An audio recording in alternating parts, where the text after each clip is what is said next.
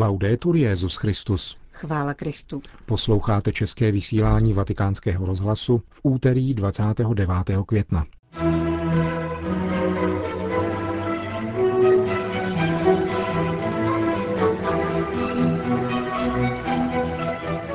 V Miláně začíná světové setkání rodin. Německý historik profesor Gerd Melville představuje svatou Hildegardu z Bingen, budoucí učitelku církve. A v rubrice O čem se mluví se podíváme na kauzu odcizené papežské korespondence. To jsou některá témata našeho pořadu, kterým vás provázejí Johana Bromková a Milan Glázer.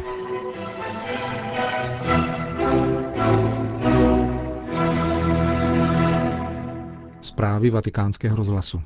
Miláno.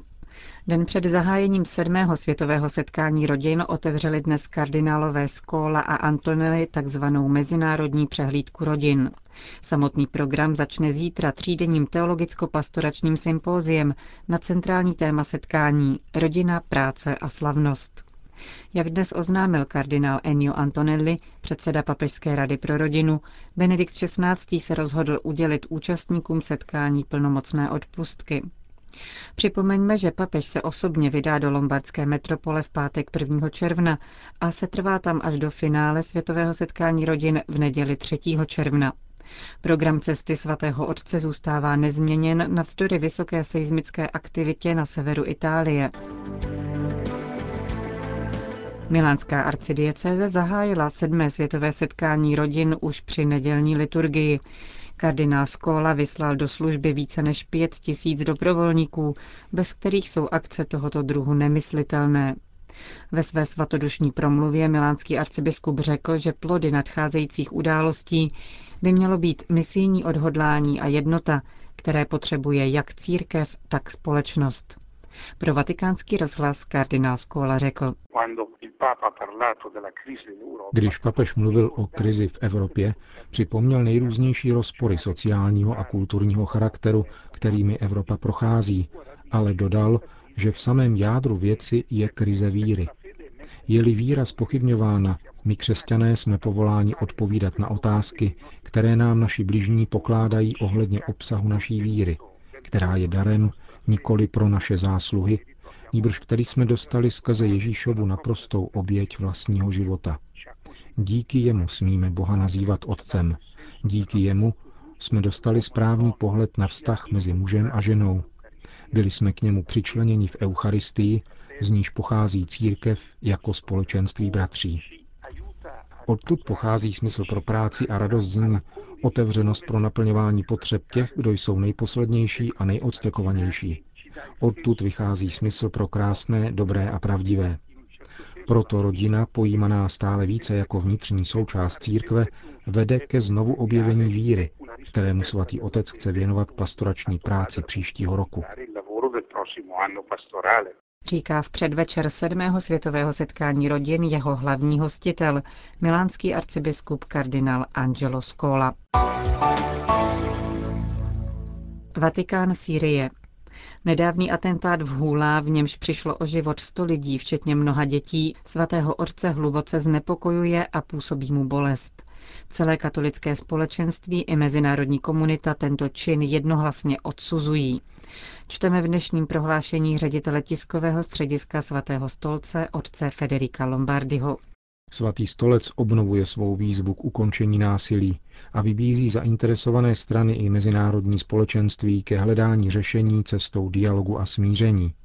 Rovněž náboženští představitelé a věřící různých náboženství jsou povoláni k úsilí o nalezení pokoje k dobru celého syrského národa. Stojí dále v prohlášení svatého stolce k pátečnímu masakru v syrském městě Hulá. Z Damašku pro vatikánský rozhlas telefonuje apoštolský nuncius arcibiskup Mario Zenari. Výzvám a poselstvím svatého otce je tu věnována velká pozornost. Dnes ráno jsem dostal dopis v arabštině a po přeložení jsem zjistil, že jej píší muslimští obyvatelé, kteří se dozvěděli o papežově konkrétní pomoci prostřednictvím papežské rady Cor Unum. Lidé vnímají konkrétní gesta svatého otce a jeho blízkost. Pro nás křesťany jsou velkým povzbuzením, protože bohužel zprávy, které každodenně my i papež dostáváme, nejsou dobré. Arcibiskup Zenáry doufá v pozitivní výsledek dnešní návštěvy Kofího Anána v Damašku. Zvláštní vyslanec OSN pro Sýrii by se měl setkat kromě státních představitelů i s náboženskými vůdci, uzavírá z Damašku tamní apoštolský nuncius. V duchu výzvy Benedikta XVI. ke smíření jedná katolický kněz, o kterém při zachování anonymity z bezpečnostních důvodů včera přinesla zprávu agentura Fides. Zůstal na faře syrského města Kusair v blízkosti Homsu s jediným cílem vytrvalé modlitby a postu za pokoj a smíření. Jeho přítomnost má být znamením odporu, jeho jedinými zbraněmi půst a modlitba, které jsou důležité jak pro křesťanství, tak islám. Itálie. Další silný otřes o síle necelých 6 stupňů Richterovy škály zaznamenala dnes ráno střední Itálie. Svatý otec vyjádřil prostřednictvím svého tiskového mluvčího otce Lombardyho svou duchovní blízkost rodinám obětí a pěti tisícům evakuovaných občanů. Podle agenturních zpráv je mezi 15 dosud identifikovanými oběťmi zemětřesení i katolický kněz, farář obce Rovereto Sulsekia, která je frakcí města Novi di Modena. Kněz zemřel při raní bohoslužbě ve svém kostele, který se částečně zřítil. Silné jsou i materiální škody, jak potvrdil z epicentra zemětřesení vatikánskému rozhlasu biskup Antonio Lanfranchi z diecéze Modena Nonatola, kde je poškozeno či zcela zničeno nejméně 30 kostelů.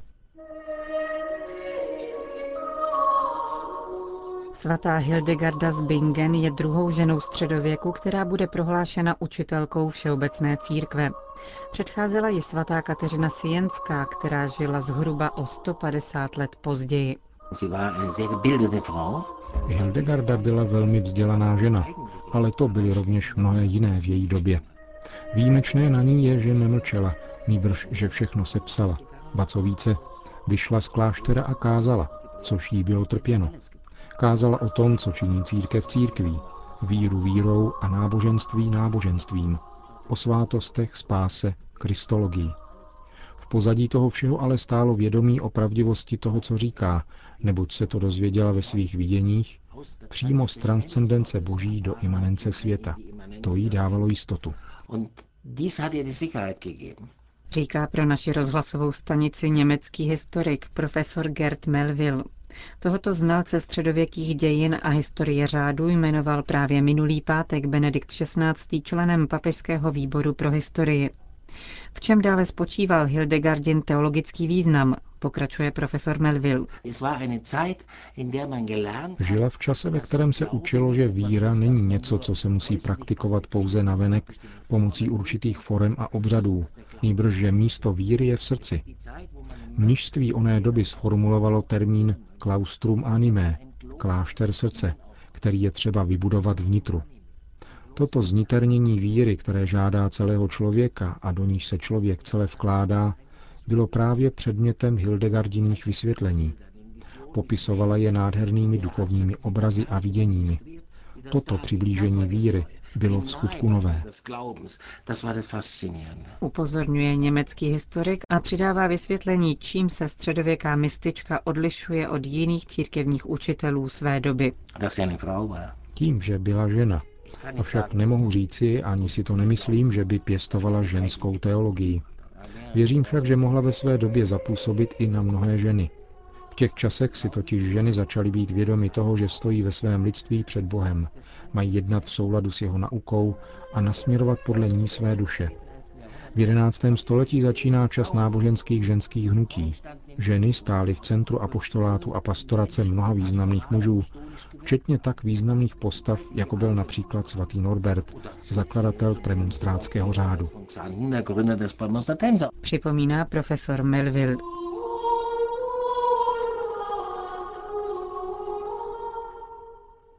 Londýn.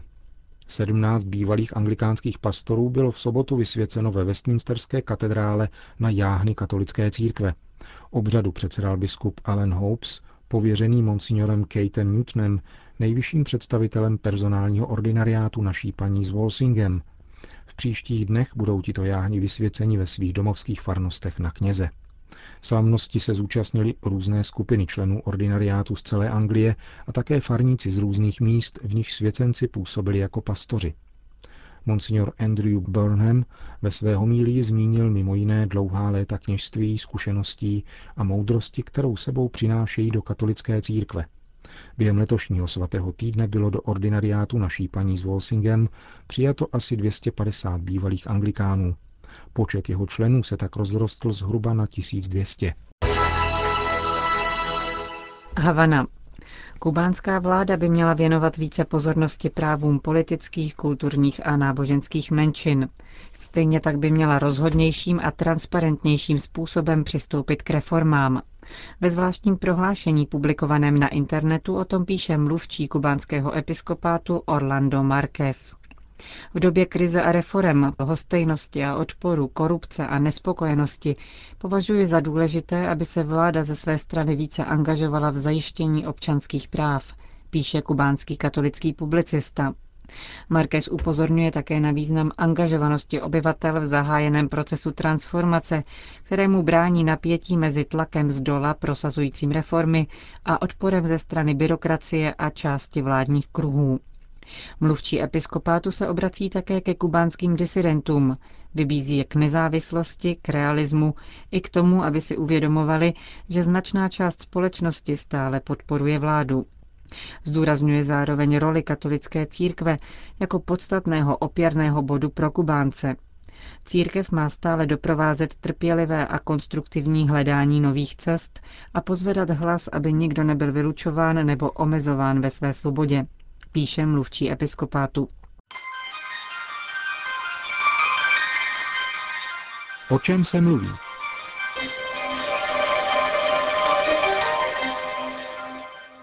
Vatilíks, tedy krádež určitých dokumentů soukromé papežské korespondence, zaměstnává v posledních dnech novináře v celém západním světě. Netrápí je však, že došlo k porušení sedmého přikázání. Zajímají se intenzivně o obsah této korespondence. Ustaraně pokyvují hlavou a pohoršují se nad úrovní vatikánského personálu. Nikdo z nich si patrně neuvědomuje, že si přitom počíná jako komplic. Je to úplně stejná situace, jako by se v supermarketu prodávaly věci s cedulkou kradené zboží. Kdo má zájem, koupí si, co chce a nikdo si nedělá starosti s tím, že se podílí na krádeži. Přesně to se totiž děje, když někdo čte korespondenci, která nebyla adresována jemu. A vůbec přitom nezáleží na tom, že byla zveřejněna sdělovacími prostředky, knižně a v poutavém přebalu. Lze si sice položit otázku, zda by si někdo dovolil publikovat dopisy ukradené například v kanceláři italského prezidenta, ale na odpovědi za stolik nezáleží. Na celém případě je pozoruhodné především to, že umožňuje postřehnout charakteristický rys dnešního lidského soužití a komunikace. Spoluvina na nemorálním skutku totiž nejenom není nezbytně a vždycky trestná, ale v případě sdělovacích prostředků je dokonce líčena jako záslužná. Medializací se tak dotyčný skutek stává věrohodným produktem žurnalistické profesionality. Nikdo neprotestuje proti nemravnosti, která je jádrem tohoto produktu. Naopak, dokonce je považován za poctivé zboží, a žurnalistům se dostává dokonce uznání za domělou neohroženost. Čtenáři, posluchači či diváci, ti všichni jsou tímto mediálním působením korumpováni. Útok na listovní tajemství papeže je bezesporu dalším pokusem o diskreditaci nejen papeže, jeho nejbližších spolupracovníků, ale především církve jako takové. Věřící ovšem rozlišuje mezi personálem církve a církví jakožto tělem Krista, s nímž tvoří jedinou osobu. A třeba, že se nepochybně jedná o zkoušku víry v Kristovu církev, je také a právě proto součástí dějin, které jsou plně v režii samotného Boha.